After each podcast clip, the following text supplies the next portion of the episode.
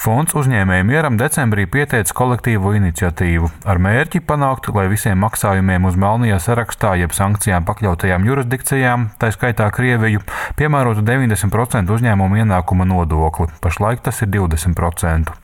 Iniciatīvā vēl rosināts atcelt izņēmumu par nodokļu nepiemērošanu maksājumiem par preču piegādēm, kā arī, kamēr turpinās kara darbība Ukrainā, būtu jāaptur valsts ieņēmuma dienesta tiesības atbrīvot no uzņēmuma ienākuma nodokļu ieturēšanas. Turpina fonda uzņēmēja mieram pārstāvis Kristofs Blauss.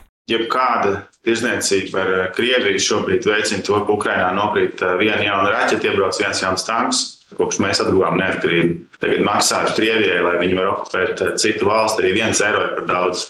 Portālā Mana balss LV iniciatīvas iesniegšanai saimā nepieciešamos desmit tūkstošus parakstu savāca vien pāris nedēļu laikā, kas arī pierāda šī jautājuma aktualitāti. Šim redzējumam atbalsts ir gan ministrijās, gan saimā. Jebkura veida sadarbība veicina arī sankciju apiešanas riskus, uzsver ārlietu ministrijā. Šo domāšanu un etikas aspektu norāda arī koalīcijas apņemšanās mēnešu laikā virzīt likuma izmaiņas Krievijas un Baltkrievijas graudu importa, bet gan ne tranzīta izbeigšanai Latvijā. Tāpēc tikšanās ar valsts prezidentu uzsvēra premjera Evika Siliņa no jaunās vienotības. Pateikt, ka mēs vispār nevēlamies redzēt šeit Latvijā tādus graudus, bija pats svarīgākais.